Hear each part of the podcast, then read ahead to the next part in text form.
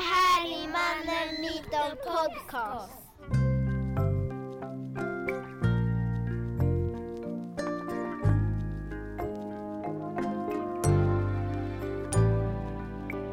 Det här är Mannen Myten Podcast. En serie som totalt nördar in sig i manlighet. Är den manliga Terminator-arketypen bara en myt? Och i så fall, hur förhåller sig olika grupper av män till den? I den här podden lyssnar vi på mäns berättelser. Med hjälp av de smartaste tänkarna vrider och vänder vi på mäns erfarenheter och försöker förstå sambandet mellan det personliga och det strukturella. Målet är att hitta nya perspektiv så att vi kan komma framåt och förändra manligheten till det bättre för fler. Jag heter Shab Ahmadian och är den ena av två programledare. Och jag, Svante Tidholm, är den andra. Vi är en del av arvsfondsprojektet Mannen Myten på organisationen Män. För jämställdhet och mot våld.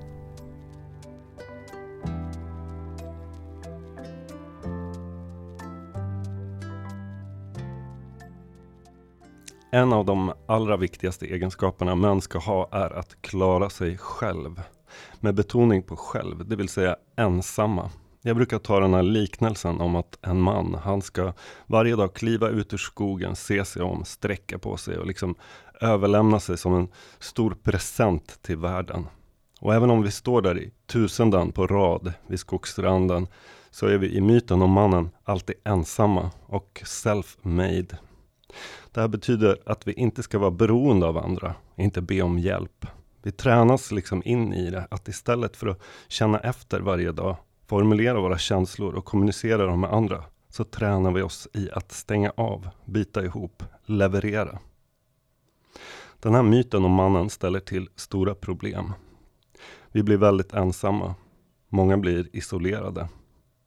Ofta är det istället kvinnor som får ta ansvar för hur vi mår, som får lirka och gå oss till mötes när vi inte fungerar, som får ta smällarna när vi inte längre står ut och brakar ihop. Att vara i kontakt med andra, känna sig sedd och bekräftad för den man är, är en av de mest grundläggande faktorerna för att må bra. Där har vi män uppenbarligen problem och skapar bra liv för oss själva. Det verkar till och med som att många män har lättare för att bita ihop när något går dåligt, än att erkänna ett misslyckande. Vad som helst, bara vi inte blir avslöjade som losers. Men hur länge går det att bita ihop? Tills vi exploderar, eller imploderar. Den mest extrema konsekvensen av mental ohälsa är att män begår självmord i större grad än andra. Det är i och för sig så att fler kvinnor än män försöker begå självmord.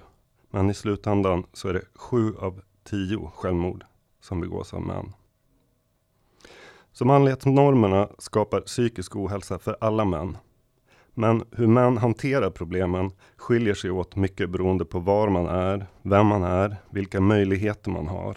Det säger sig självt att en övre medelklassman i storstaden har bättre möjligheter att uttrycka sina behov och få rätt vård. För vissa grupper kan det finnas specifika problem. Så samtidigt som vi män delar många erfarenheter så finns det också olika förutsättningar. För att förstå hur manlig mental ohälsa fungerar har vi en av Sveriges och Sápmis mest kunniga forskare med oss, Petter Stor. Du har forskat kring mäns psykiska problem länge och skrivit Mm, en rapport om mental ohälsa och självmord bland samiska män. Hej och välkommen! Mm. säga någonting om hur manlighetsnormerna påverkar hur vi, hur vi män förhåller oss till idén om mental hälsa.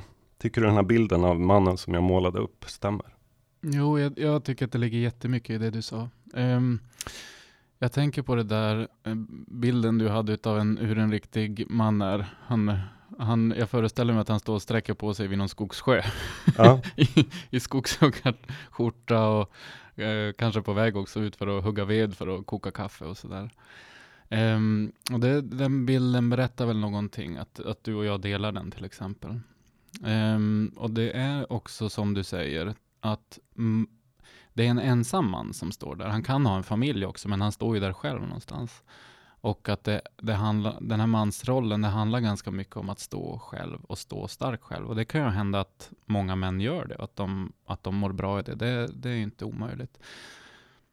Men som grupp betraktat så är det ju det där som gör att många män far illa också. Det, det är som du säger, att den här ensamheten, den kan lika gärna vara förödande. Och särskilt om man inte har det bra, om man mår dåligt. Um, en av de saker som händer då är att man får sänkt förmåga att lösa sina problem. Um, och om man då har en bild av att jag, jag, oavsett vad som händer så måste jag lösa dem själv. Och den förmågan blir sänkt. Och du har liksom ett, ett tanke och ett handlingstabu, att du får inte fråga någon annan om hjälp. Och Eh, och söka hjälp på det sättet. Alltså, vilket ju är det ofta det bästa sättet och helt säkert är det bästa sättet när du mår dåligt.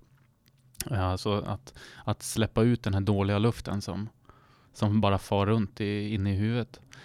Eh, och helt klart är det så att det är en av de saker som, som gör att män dör oftare i självmord.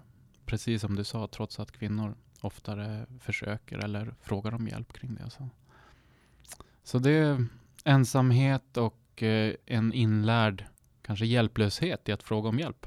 Mm. Att, att sträcka ut en hand till någon annan. Eller att ta emot hjälp också. Mm. Det, det, är direkt skadligt och dödligt ibland.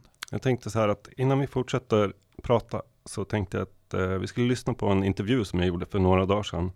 Jag stämde träff med en vän till mig, Pelle, i en park här i Stockholm. Han har under livet haft flera perioder av depressioner. För några år sedan så brakade han ihop helt. Jag såg det bara på håll. Men jag ville höra hans egen historia om vad som hände.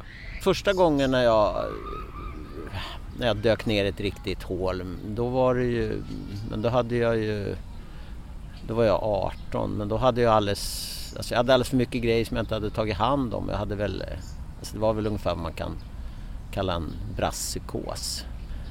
Eh, tror jag. Och, och, men på den tiden, det var ju början på 70-talet. Eh, på den tiden så fanns det ju liksom inga alternativ eller några, alltså jag såg inte någon som jag skulle kunna prata med eller någon typ av behandlingsalternativ utan de som jag kände då som mådde dåligt, då var det antingen fick man försöka klara av det där själv eller så var det att bli tvångsintagen eller lägga in sig själv på Beckomberga mentalsjukhus ungefär. Det, det fanns inte så mycket annat. Det var, rätt, det var liksom ganska stigmatiserat runt psykisk ohälsa kan man säga på den tiden. Så det, den perioden på några månader kämpade jag mig igenom helt själv. Liksom. Eh, jag pratade inte med någon om det. Jag tror inte jag berättade för någon hur jag mådde utan jag bara tog det från minut till minut. Liksom i någon slags kamp under en hel vår där. Vad är det liksom värsta du har varit med om själv? Ja men det var ju, det var ju faktiskt när jag knäckte ihop. Alltså för 2011 12. Ja det var väl en sex år sedan eller någonting. Då Alltså jag brakade ihop totalt. Jag blev ju, alltså det var väl så nära en, en psykotisk tillstånd som man kan komma liksom. Och det, jag vet inte hur jag ska förklara det riktigt men det hade ju gått och grott ganska länge, kanske i ett år eller två år. Jag hade känt lite sån här oroskänslor och, och, lite, ja men ungefär som fjärilar i magen eller som man är en taskig bakfylla eller, eller någonting. Jag tänkte väl att det var någonting som skulle gå över på något sätt. Och så ökade det där mer och mer och, och jag isolerade mig mer och mer. Jag var ute och knallade med en hund lite grann men sen framåt, framåt vintern där så låg jag nästan bara på sängen liksom. Jag träffade inte så jättemycket folk heller förutom familjen och sen och sen rätt vad det är så brakade det bara totalt. Jag blev ju nästan katatonisk på något sätt. Och, och, men jag vet ju att innan det, alltså kanske flera månader innan det så hade jag suttit med handen på luren och funderat på om jag skulle ringa till Huddinge, till psyket där. Och någon gång ringde jag dit och sen, sen kändes det liksom, jag vet inte varför, men det kändes liksom lite löjligt att prata med dem på något sätt. Jag, jag tänkte, ja men det här det går säkert över imorgon eller i övermorgon eller någonting. Så, så någon gång ringde jag dit, och svarade och så la jag på luren. Och någon gång pratade jag lite med dem och så tog jag det inte vidare. Eh, men så åkte jag, när det eskalerade ännu mer, då fattade jag liksom att jag var tvungen att åka in och få någon hjälp. Jag kunde inte, Alltså jag sov knappt på nätterna, jag kunde gå och lägga mig vid tolv och så Först vaknade jag kanske fyra och sen vaknade jag tre och sen vaknade jag två så jag sov bara ett par timmar på natten och bara låg och stirrade framför mig liksom. Och till slut, till slut kunde jag inte göra någonting så jag, alltså min... Då åkte jag, åkte jag in ett par gånger till Sankt Göran men där, där framstod jag ju liksom som, som ganska vettig och redig så de tyckte inte... Jag kunde inte förklara, jag kunde inte förklara hur jag mådde. Så de skickade hem mig. Den ena gången på kvällen och den andra gången nästa dag. Så jag, jag tror jag åkte dit tre gånger eller någonting innan jag förstod att jag måste ha någon slags hjälp att formulera hur det såg ut i mitt huvud. Det fick jag av min, fick jag min dotter. Liksom. Jag, jag, kunde inte vara hemma överhuvudtaget. Det gick, det gick inte. Liksom. De fixade inte det hemma. När du växte upp, fick du liksom, blev du har du känt att du har blivit uppmuntrad som man att formulera dina känslor eller vad du behöver för att må bra? Liksom? Jag vet inte om jag tycker att det var riktigt så. Det var, var jag, menar, jag pratade en del med min morsa om olika saker. Och, var, och farsan var väl liksom, jag menar det var ju på 60-talet så att, så att han var väl han var väl ganska låst i en sån där lite gammaldags mansroll kan man säga. Men annars var det ju, ja men annars var det ju kompisarna på något sätt. Men vi pratar ju inte så mycket om, alltså vi pratar ju sällan om känslor eller, eller, eller mående eller sådana saker överhuvudtaget. Utan man var ju bara ute och körde på. Vad, alltså vad man än höll på med liksom. Jag menar jag vet, eh, när jag var 15 så var, var ju vi med när eh, min dåvarande bästa kompis dog. Och det alltså, det följdes ju aldrig upp på något sätt. Det var ju inte riktigt så. Det, det, man fick klara sig själv liksom. Jag menar, jag, vi pratade om det hemma. Då, då sa ju morsan och farsan att ja, men om det är till någon hjälp så kan du få börja röka hemma nu. Vi vet ju att du röker cigaretter så det är okej om du röker inomhus nu. Nej men då tänkte alltså det var ju lite sådär rörande på något sätt. Men det var, det var deras sätt att, att ja, försöka hjälpa mig på något, på något vis som jag skulle tycka att det kändes bättre saker och ting då. Men, men annars gick vi bara vidare. Det, var ju inget, alltså det fanns ju ingen som... Då fanns det ju ingen som hjälpte till att ta hand om sådana här saker. Genom resten av livet också så har väl inte jag haft så stort nätverk där, vi har, där jag känner att jag har pratat om sådana här saker. Liksom, eller känslor eller kärlek eller taskigt mående eller någonting. Utan alla har fått klara sig själv på något sätt. Och jag har haft någon slags, jag vet inte varför, men jag har haft någon sån här, eh, inte aversion direkt men, men jag har aldrig känt riktigt att just jag skulle vilja gå till någon psykolog och prata. Och, och, nu kan jag tycka att det är jättekonstigt för jag, alltså jag tycker ju kanske att ja men det finns jättemycket människor som skulle behöva det och jag kan se det och tycka så här att ja men fan det vore skitbra om du gick och pratade med någon och försökte formulera de här sakerna som du har inom dig. Men, men att just jag skulle kunna behöva det, det har liksom, för mig har det framstått som lite löjligt nästan. Och de gånger du sökte hjälp så eh, sa du att det inte kändes som att du riktigt blev lyssnad på liksom? Nej, jag har ju aldrig sökt hjälp. Inte förrän alltså, den här gången när det kraschade totalt då för, för eh, fem, eh, fem, sex år sedan. Det var ju första gången jag sökte hjälp på riktigt liksom och förstod att jag måste, jag måste släppa taget helt för jag var ju liksom, jag, ingenting fungerade. Jag kunde inte jag kunde inte gå och handla, jag kunde inte liksom till slut kunde jag ju knappt prata överhuvudtaget. Jag låg ju bara på en säng. Det gick med någon sån här rasande fart. Den där utvecklingen då. Och det var ju, det var ju faktiskt första gången som jag sökte hjälp. Jag fattade att nu, nu måste jag släppa taget och, och bara låta någon annan ta hand om mig. Det är det enda. Och det satt jättelångt inne. Det var väl den, alltså det är väl det där med att tappa kontrollen kan jag tänka mig. Ja. Har, din, har, dina, har dina psykiska problem eh, drabbat andra? Alltså familjen blev ju drabbad då. De, det, om man säger det barn som bodde hemma då och min sambo, de, de fick ju, och särskilt min sambo kanske, min dotter var väl lite Alltså hon gjorde ju sina egna grejer men hon var ju inte så jättegammal då. Men, men min sambo försökte ju verkligen hjälpa mig igenom det här på alla möjliga sätt och, och låg och lyssnade på mitt malande natt efter natt. Och, och sen började jag ringa flera gånger om dagen till henne på hennes jobb och jag, alltså jag, var, jag var liksom helt borta. Jag kände att jag höll på att falla totalt. Så, att, så att det, är klart att det, det är klart att det drabbade henne men inte, inte någon annan. Vad tror du det är som gör att män eh, är så rädda för att prata känslor och visa sig? Jag tror någonstans att det är det här och, och, och visa sig svag.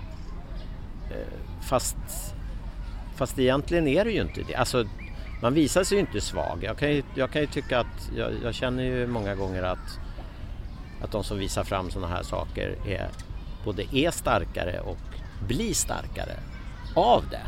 Alltså och, och framstår som mycket mer eh, helgjutna människor liksom för att jag menar det är ju ingen som är perfekt och alla har, har liksom alla har hål som de dyker ner i och alla har svårigheter som de behöver ta tag i och saker som man behöver hjälp att formulera och sådär. Det gör man ju bäst tillsammans men jag tror, att det är, jag tror att det är någon rädsla för att man, man inte vet riktigt vad som händer om man börjar, om man börjar öppna upp de här små askarna. Liksom. Tror du att det är så för, för män att det liksom finns en prestige i att här, hålla ihop och fungera och att man inte liksom, vågar se sig själv som en förlorare som liksom inte funkar? Jo det, jo, det tror jag ju. Men det är en sån enorm missuppfattning därför att det är så jävla mycket män som inte funkar.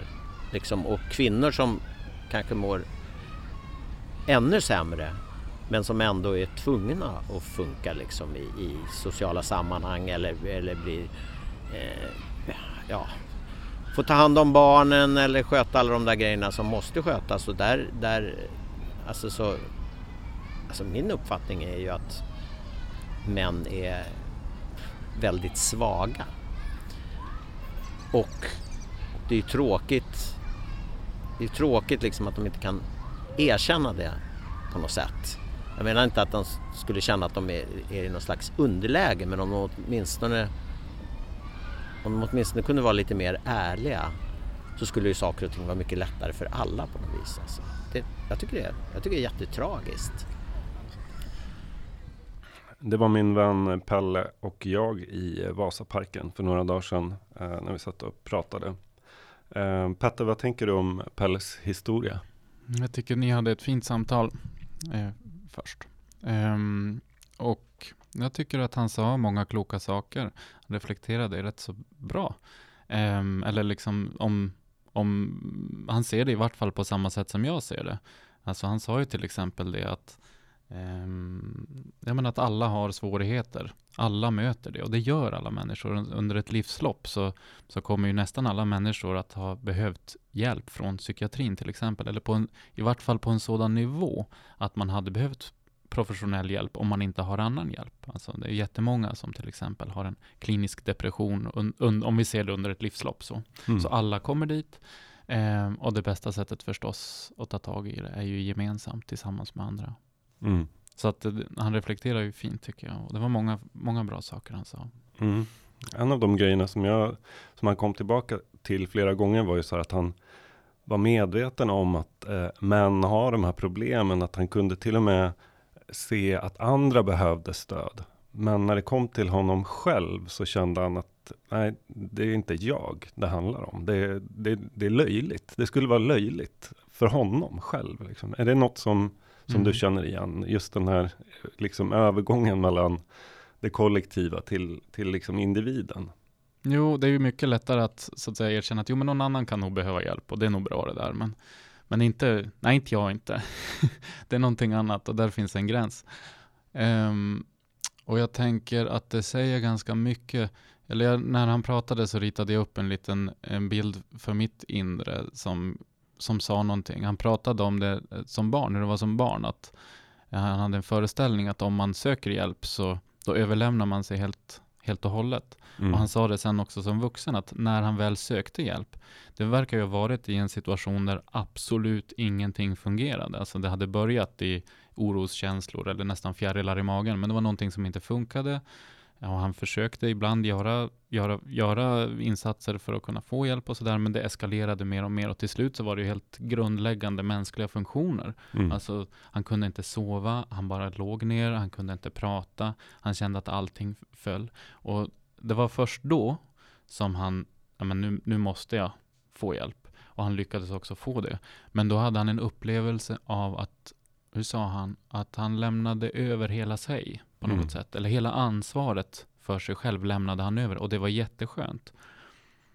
Och det var ju, det var ju toppen, toppen bra då att han fick hjälp som, som kändes på det sättet. Men det, är ju, det har ju gått jätte, jätte, jättelångt mellan jag ska ta hand om mig själv och jag är en stark man ute vid min skogssjö där jag, där jag lever gott.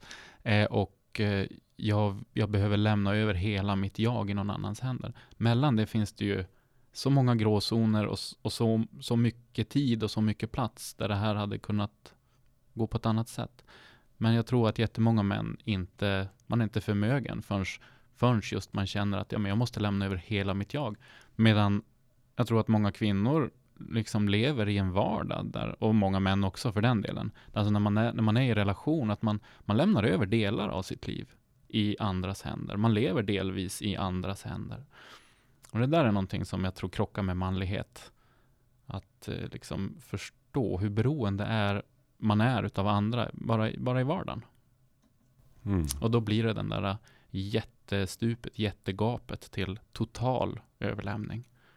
Så det är som en slags barriär där på något sätt. Att man inte vill, eh, man vågar inte ta det steget. Det, det är för hotfullt på något sätt. Eller hotar liksom någon slags manlig identitet också. Att, att Ja. överlämna sig på något sätt. Och att även en liten del, liksom att överlämna bara en liten, liten del skulle vara att överlämna sig totalt. Att man har en sån föreställning. Att det finns, som ingen, finns inget däremellan. Utan har jag lämnat lite, då lämnar jag allt. Och det betyder ju då också att då måste, det liksom, då måste jag först ha uppfyllt det här, jag klarar ingenting.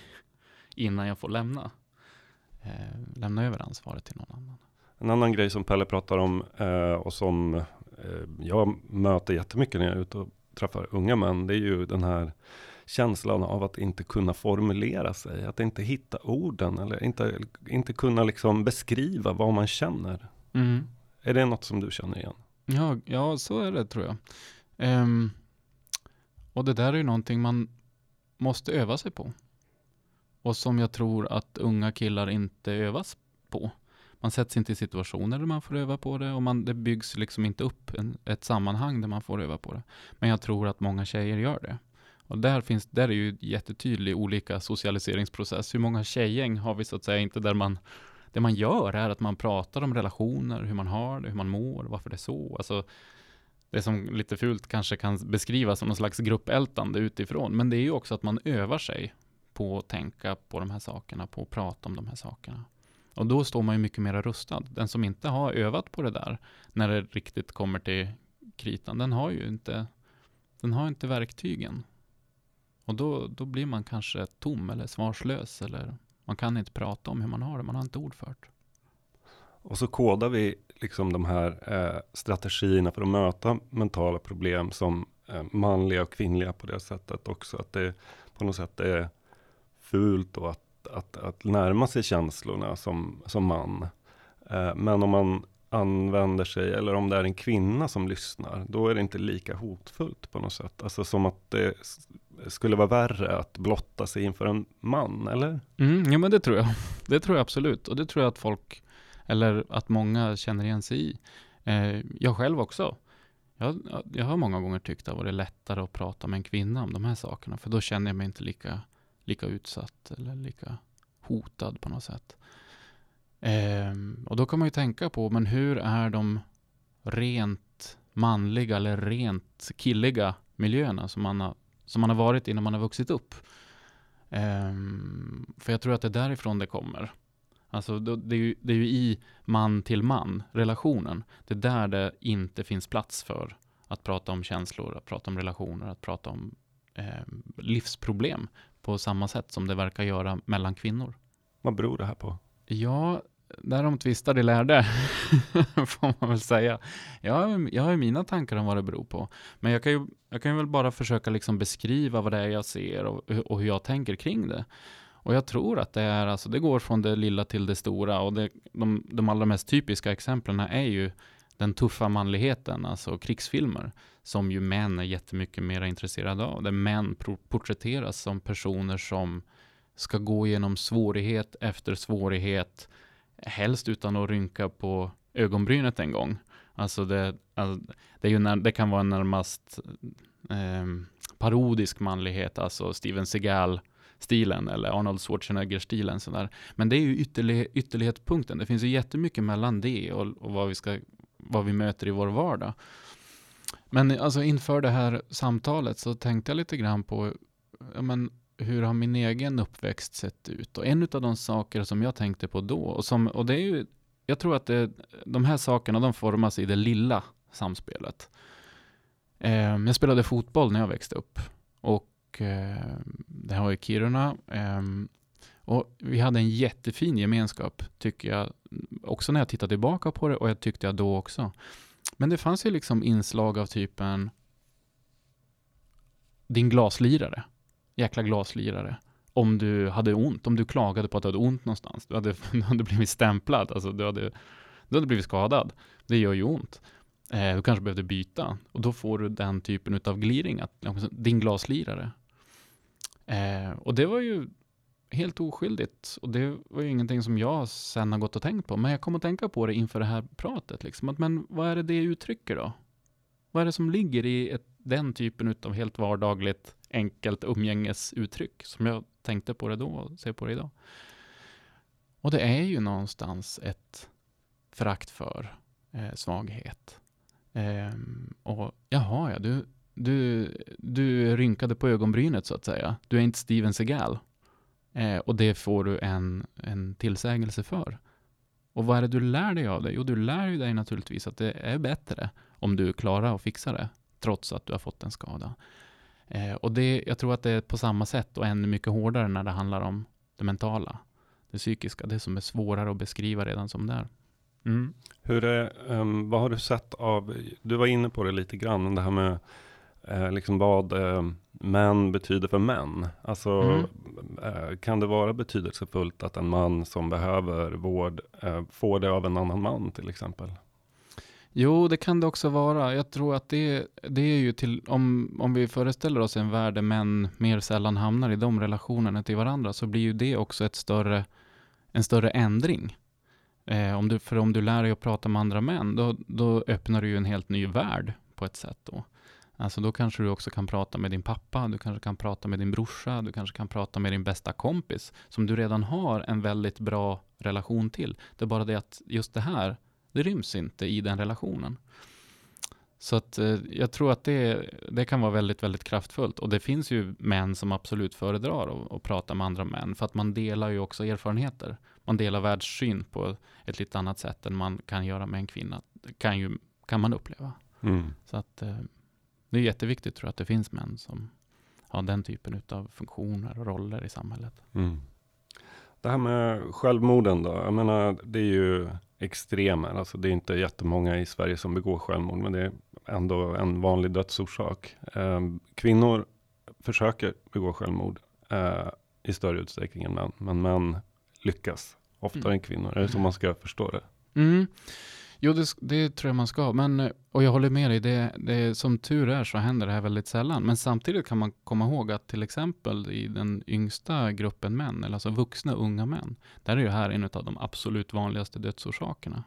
Så att det är ändå, även om det är relativt sällan det händer, så är det eh, procentuellt sett är det, är det en stor orsak till, till att människor dör. Eh, och särskilt bland unga män. Går det upp eller ner, antalet självmord i samhället?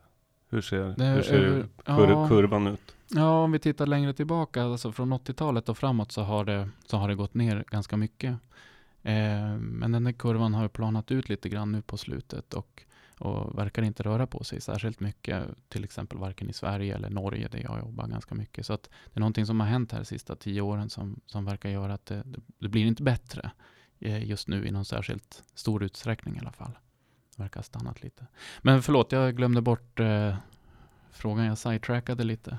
Nej, det gjorde du inte. Eh, det var nog jag som inte ställde någon tydlig fråga. Men en, en, en tanke där är så här. Eh, är, eh, Alltså, jag tänkte också på det Pelle berättade om i sina försök att här, få vård på något sätt. Finns det strukturellt inbyggda problem i hur vi ser på män? Alltså, kan vården vara dålig på att eh, liksom, möta mäns mentala ohälsa på något sätt? Jo, jo, och du frågade ju om det här med att fler kvinnor eh, Mm. har självmordsproblematik. Eller uttrycker självmordsproblematik. Svarar till exempel att man har självmordstankar och så. Mm. Men trots det så är det, så är det fler män som dör. Det här är ju ett känt fenomen och det verkar gå igen i, i hela världen närmast. Med Mm. få undantag. Eh, alltså det är någon slags könsparadox här. Det har man ju heller inget säkert svar på, men jag tror ju det ligger ganska mycket i att det är olika attityder. Eh, och att män, så att säga, att man inte vill erkänna att man har den typen av problem till exempel. För om man har den där föreställningen som vi var inne på tidigare om att antingen ta hand om allt själv eller ta hand om ingenting själv. Då är det här någonting som, det, det, det är ett så stort brott mot den självbilden att jag fixar det själv. Att det, dit vill man inte gå förrän det är riktigt illa. Eh, så jag tror att det ligger någonting i det, att kvinnor vågar vara mera öppna för, för den typen av tanke. Som ju också är, alltså, man kan komma ihåg det att självmordstanken i sig är ju inte farlig. Eh, det är inte farligt att ha självmordstankar. Det är, det är jätte, jätte, jättemånga. Det är mer än 50 procent av människorna i Sverige idag som under ett livslopp kommer att ha tänkt på det. Eh, men man kan ju fundera över vad är funktionen med en sån tanke? Vad, är, vad, vad kan den vara bra för? Och jag tänker att en av de sakerna den faktiskt kan vara bra för, det är ju att den, hoppsan, nu tänker jag att jag inte vill, jag vill inte leva längre. Ja, men det måste ju betyda att jag måste ändra någonting i livet, så att jag vill leva livet. Alltså det är det som är dess funktion någonstans. Och att då säga att jo, men jag har tänkt den tanken, svara det till en psykolog eller, eller i ett sånt här frågeformulär, liksom. det kan ju faktiskt vara en hjälpande sak. Det, då identifierar man att jo, jag har ett problem som jag måste göra någonting åt. Och det tror jag att kvinnor då är bättre på, eller att man har attityder och normer som är mer tillåtande för det. Det är den ena sidan utav det. Och när man har upptäckt det, ja då, kan, då blir man ju också satt kanske i stånd till att kunna söka hjälp. Sen så tror jag, som du var inne på, att psykiatrin eh, och samhället stort, eh, andra vårdinstanser, de har väldigt mycket att lära om. Alltså att, eh, att ha en, en vårdapparat och en, en, stödapparat som inbjuder män lika väl som kvinnor. Jag tror inte att den gör det idag. Ehm, det är väldigt många män som hade behövt den typen av stöd och hjälp ehm, som inte får det idag. Men också att man kanske måste, tänka, man kanske måste tänka nytt, tänka annorlunda. Ehm, det här är saker som jag ser att man, man, det har börjat hända saker i Sverige, men, men jag har nog kanske mer sett det utomlands, alltså att man tänker på eh, Men's Health-kampanjer. Eh, eh, jag har sett fina videos från, från Australien där man liksom kör nationella kampanjer eh, som handlar om de här sakerna, som riktar sig till män. Eh, jag har sett några exempel i Sverige. Jag tror att det är i Värmland. Eh, som kan det vara kanske Region Värmland eller något sånt här som kört. Eh, och man har bland annat, kan det vara någon hockeyspelare kanske i Färjestad eller någonting sånt där som är med och pratar om psykisk ohälsa och, och försöker öppna dörrar och pratar liksom från ett manligt perspektiv till en annan man. Och det är någonting som vi inte har sett så mycket tidigare, som jag tror är jätte, jättebra. Så på sätt och vis så behöver vi liksom curla killar och män att, att, att våga ta det här steget och be om hjälp och prata om sina problem. Ja, Ja, fint uttryckt. Jag tror vi borde curla, curla in eh, pojkar på det sättet.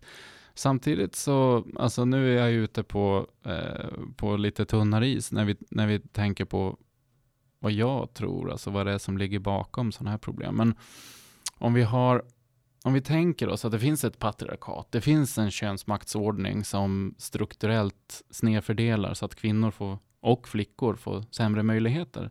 Så, och det tror ju jag, jag tror att det är så.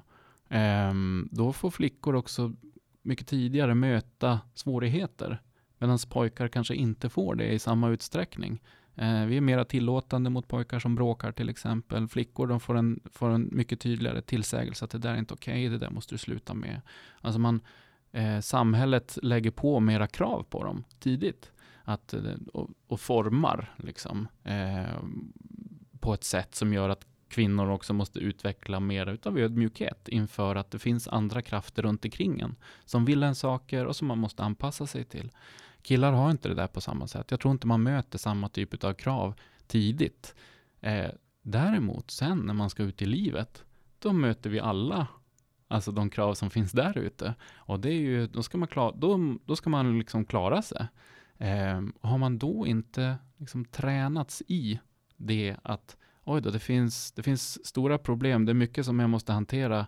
Eh, jag kanske borde söka hjälp, jag kanske borde snacka med min polare om hur jag ska lösa det här problemet och så vidare.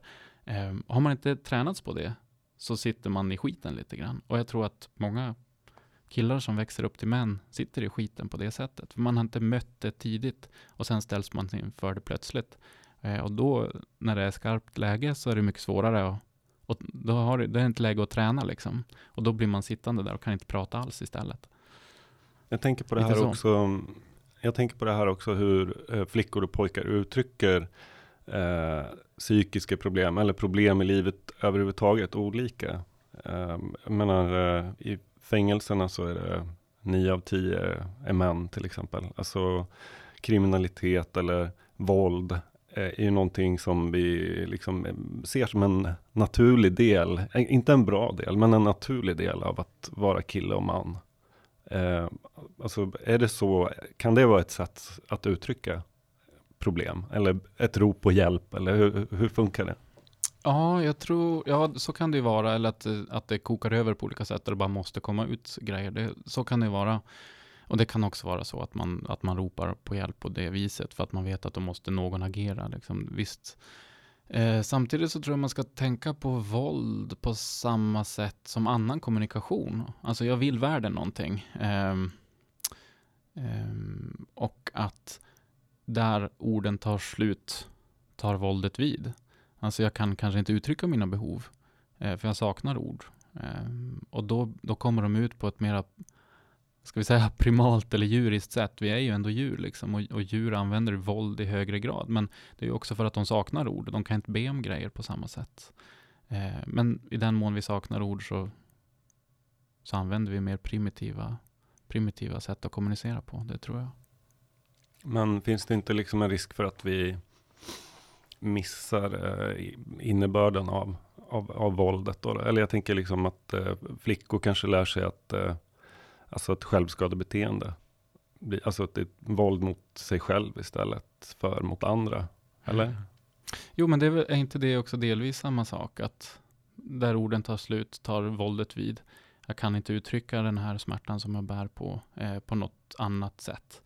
Eh, sen finns det ju andra funktioner också i, i självskadebeteende, att det aktiverar också kroppen på ett sätt eh, som gör att det känns bättre. Alltså man hamnar i ett annat läge. Man kanske kan bryta en, en svår ångestsituation och komma ur den till exempel genom att självskada. Det är ju, det är ju en av de, en utav de saker eller orsaker att folk gör det. Va? Men eh, ja, jag är inte säker på att jag förstår det helt, men jag, jag ser det nog som samma sak. Det är också en form av kommunikation. Mm. Jag tänker på det här med hur man eh, i olika miljöer och med olika förutsättningar hanterar mentala problem olika. Eh, vad har du sett där? Mm, att det kan vara olika olika kontexter. Ja. Jag jobbar ju, och jag är ju själv same, men jag är också svensk. Um, och jag har jobbat mest med, med ett samiskt perspektiv. Och nu senast så var jag i Kanada och där har vi ett urfolksperspektiv i Arktis. Och, det, och från den synvinkeln så är det jättetydligt att det är olika. Det är olika till exempel beroende på kultur. Hur vi kan uttrycka oss är olika. Vilka språk vi har, vilka ord som finns på språk eh, kan, kan styra också vad vi kan säga. Varje språk är en egen tankevärld och det är inte alla tankar som är lika lätta att tänka på på olika språk, till exempel. Så vår kultur, det påverkar oss. Vår bakgrund, alltså vad våra föräldrar har sysslat med, vilken, vilken eh, klassbakgrund, eller om man vill prata om, om det begreppet, det påverkar. Um, så att jag, jag, tror att det är väldigt olika. Um, eller det är i vart fall vad jag, vad jag ser bland samer, att det, det kan se olika ut. Då. Vad är det som skiljer och vad är det som är lika? Om du tar det, ja, som, den samiska kontexten. Ja, specifikt. den samiska kontexten, som, så som jag tänker på den till exempel då, att Um, de, de flesta samekillar som har en tydlig samisk identitet, de växer ju upp i Norrlands inland, för det är ju också kärnområdena i, i svenska delen utav Sápmi. Och eh, jag tror inte jag överdriver om jag säger att en del av den här klichébilden utav norrlänningen, den är ju också sann. Alltså det, är en gans, det kan vara en ganska tuff miljö eh, att växa upp i, i inlandet. Det är avfolkningsbygd och det är hårda macho-attityder. Så. Eh, och om man då dessutom växer upp i den kontexten och är same, för det, det, det vet jag inte om man har klart för sig i hela landet, men jag tror att fientligheten mot samer, den är som allra störst där det finns som flest samer. Eh, och framförallt i renskötarområdena, framförallt i Norrlands inland. Och, alltså det finns negativa attityder mot samer, på samma sätt som det kan finnas negativa attityder mot, mot andra minoriteter, personer med en annan hudfärg och så vidare. Eh, då måste man hosta upp sig lite till. Man, liksom, man mäter sig mot den norrländska machograbben. Och så måste man vara lite tuffare, för du bär redan på någonting som, kan, som gör att du kan skadas. De kan alltid komma åt dig genom att kalla dig lapp. Det är liksom en direkt väg in till, till din smärta. Liksom. Ehm, och då, ja, men då måste man lägga på kanske ytterligare ett lager utav, utav grabbighet för att hävda sig där. Och det behöver inte betyda att det här är liksom, det här är inte nödvändigtvis kärnan i samisk manlighetskultur. Men det betyder att de här killarna, de har varit i den kontexten där de har behövt försvara sig kanske mot en annan manlighetskultur, för måste förhålla sig gentemot den då. Eh, och, och, därför måste ha hårdare läder. Vad, vad blir konsekvenserna av det här då? Om, om, om i din mm. forskning? Jo, men det blir ju det att det blir ju, ju mera rustning vi har på oss, desto svårare blir det att nå ut och kommunicera på ett bra sätt. Eh, det blir svårare att be om hjälp, till exempel. Det är ju det tydligaste det här är, det blir ofta så att det är eh, killar, unga män, som måste vara ännu mera självständiga i praktiken än, än andra. Då. Eh, och det är en jätte, jättedålig kombination med Eh, situationen som vi har i renskötseln idag, som är en ytterligt pressad eh, kultur. Eh, så man har redan en massa problem som kommer in i form av rovdjur som tar renar, i form av samhällets infrastruktur, vägar, järnvägar, i form av skogsbolag, vindkraftsbolag, vattenkraft och så vidare. Det är många olika saker som pressar på och gör rennäring till en, en, svår näringsgren. Då. Ehm, och så om man dessutom har dåliga sätt att kunna nå ut när det, när det, när det klämmer någonstans, ehm, våga prata, våga be om hjälp och så, ja, då har man en, en dålig cocktail. Det blir en tryckkokare kan man säga. Så ju närmre liksom den dominanta, privilegierade medelklassnormen man befinner sig, desto mindre rustning behöver man ha på något sätt för att kommunicera sina problem. Är det så man kan förstå det? Ungefär? Jo, men jag tänker nog lite så i alla fall. Mm, jag tycker det ligger något i det. Eller vad tänker du själv? jo, jag, jag, tror du har, eh, jag, tror, jag tror absolut att det, att det stämmer det är också så att, eh, alltså precis som eh, vårt projekt, Mannen Myten, jobbar med, är ju exakt de här frågorna. Hur manlighet hänger ihop med andra maktordningar. Och där är det tydligt att i vissa kontexter så är det ju någonting som, alltså som, som man får högre status av. Att uttrycka sina känslor. Mm. Att det, det, kan till och med vara någonting som man får belöningar för. Medan det i andra miljöer är någonting som är väldigt tätt förknippat med, med, med, repression, alltså hot om våld eller våld eller social isolering. Mm. Så det, det, det, är verkligen, manlighet hänger ihop med många andra saker. Ja, verkligen. Och då blir det ju så att samma beteende, samma fråga efter hjälp, den kan tolkas på helt olika sätt i helt olika manliga miljöer. Mm, och vara olika bra eller dåligt för dig som person. Vilket ju formar dig då kommer styra om du vågar fråga igen och så vidare. Mm. Jag skulle bara vilja backa upp till en, eh, en så grundläggande grej som vi också hörde Pelle prata om. Det här med övergången liksom mellan grupp och individ. Jag, jag tänker ibland att det finns en jättestor, um, liksom en paradox i att vi män har så extremt svårt för att se oss som en del av ett kollektiv. Alltså att vi utifrån kan se den här gruppen, vi kan se gruppens problem, vi kan se eh, hur andra liksom har problem. Men det gäller aldrig oss själva på något sätt. Att det är ett så otroligt starkt narrativ i våran kultur. Eh, alltså att eh, alla andra män kommer misslyckas, men inte jag. Alla andra män kommer misslyckas med att rädda världen, men jag kommer klara det. Tusen ligger döda framför mig, men jag kommer kunna gå igenom den här elden. Mm. Liksom alla andra män kommer spela bort sina pengar, men jag kommer vinna. Mhm. Hur funkar det här? Ja, men jag tänker att du, nu drog du tre stycken, du ritade upp tre stycken bilder eh, på en man som går igenom krig, en man som lyckas spela till sig någonting och jag kommer inte ihåg vad den sista var, men det här är ju liksom, det är typ filmmanus som du, Mm. såld, som du pitchade där. Ja, och det är filmer som vi har sett Eller hur? tusen gånger. Eller hur?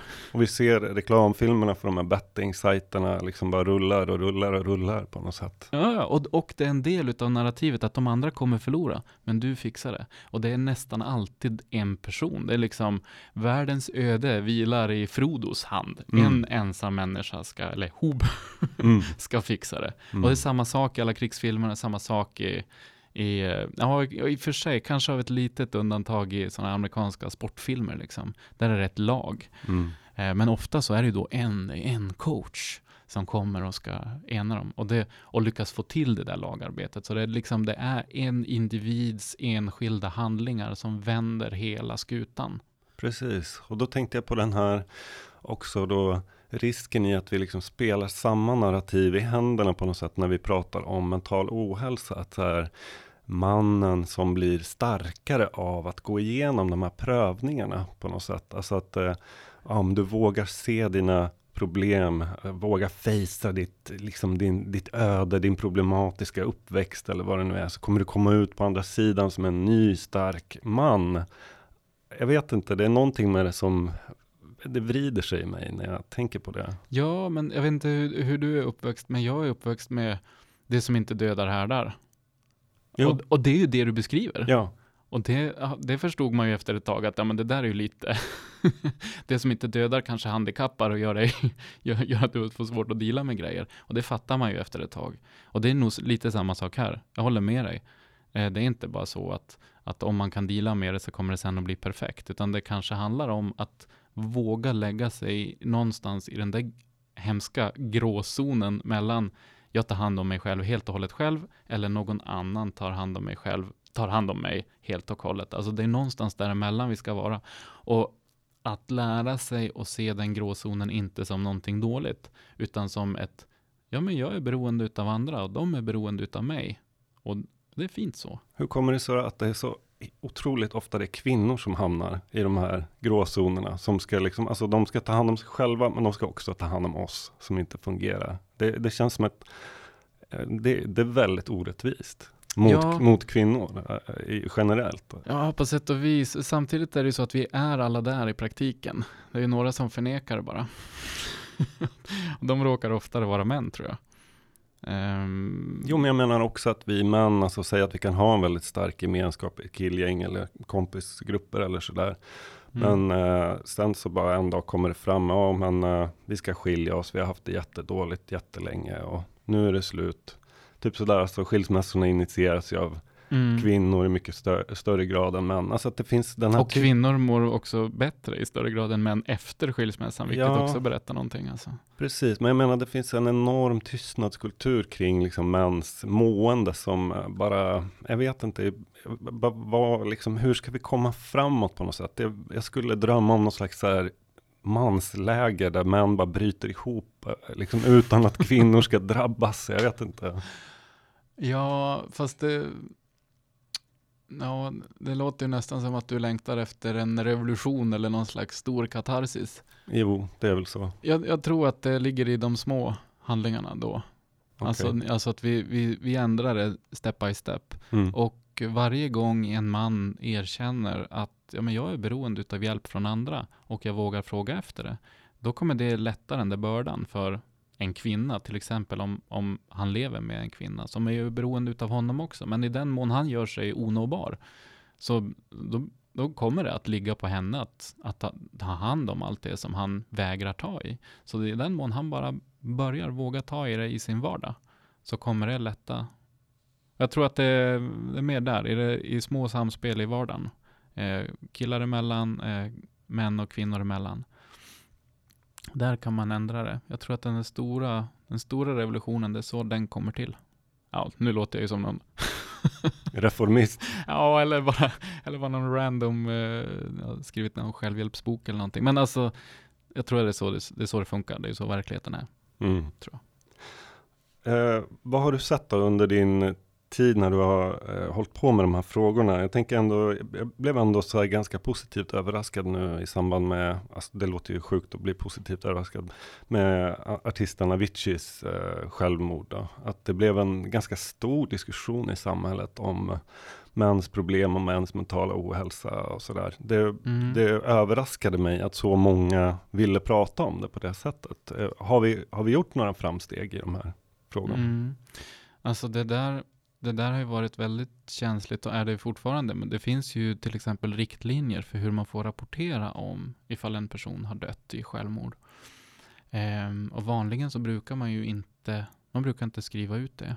Nu, nu har väl, jag tror att numera så skriver man väl det om Avicii och man skriver det också om Benny Fredriksson till exempel som också gick bort här i, i suicid ganska nyligt.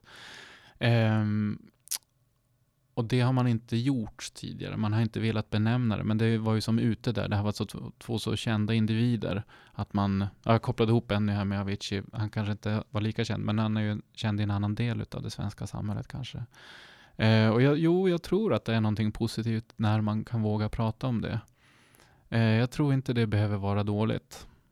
Eh, och det, det är väl absolut tänkbart att en yngre generation kanske har en annan attityd till det här. Till exempel alltså personer som är intresserade av Avicii, vem han var och, eh, och lyssnade på hans musik och så. Och kanske kan man också tänka sig att personer runt Benny, alltså det är ju kultursverige, att de också har lite annorlunda normer, attityder kring det här och tycker att ja, men vi måste kunna prata om det här, vi måste kunna prata om psykisk ohälsa, vi måste kunna prata om män som inte klarar att be om hjälp och så vidare och kopplar ihop de trådarna.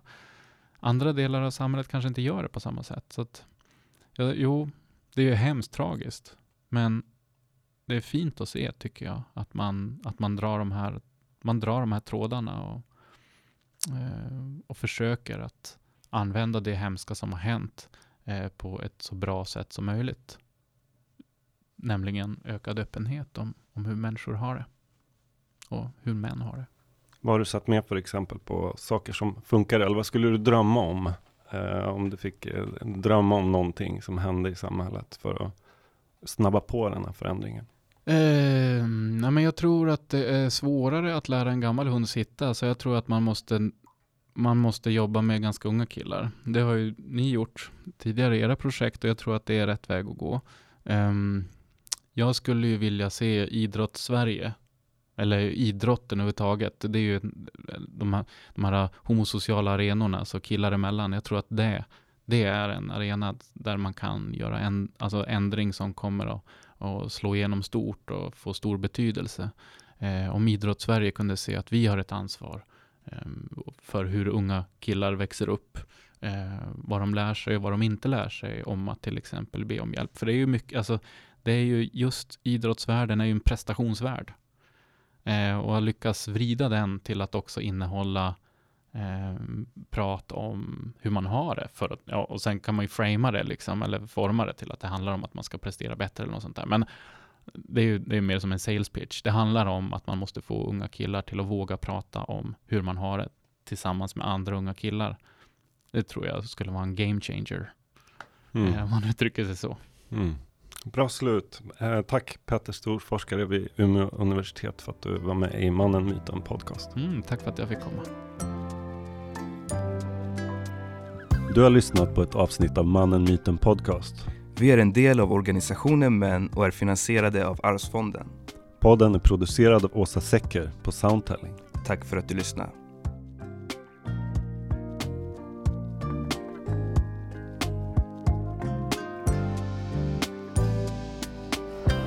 Tack för att ni har lyssnat. Hej då! Hej då!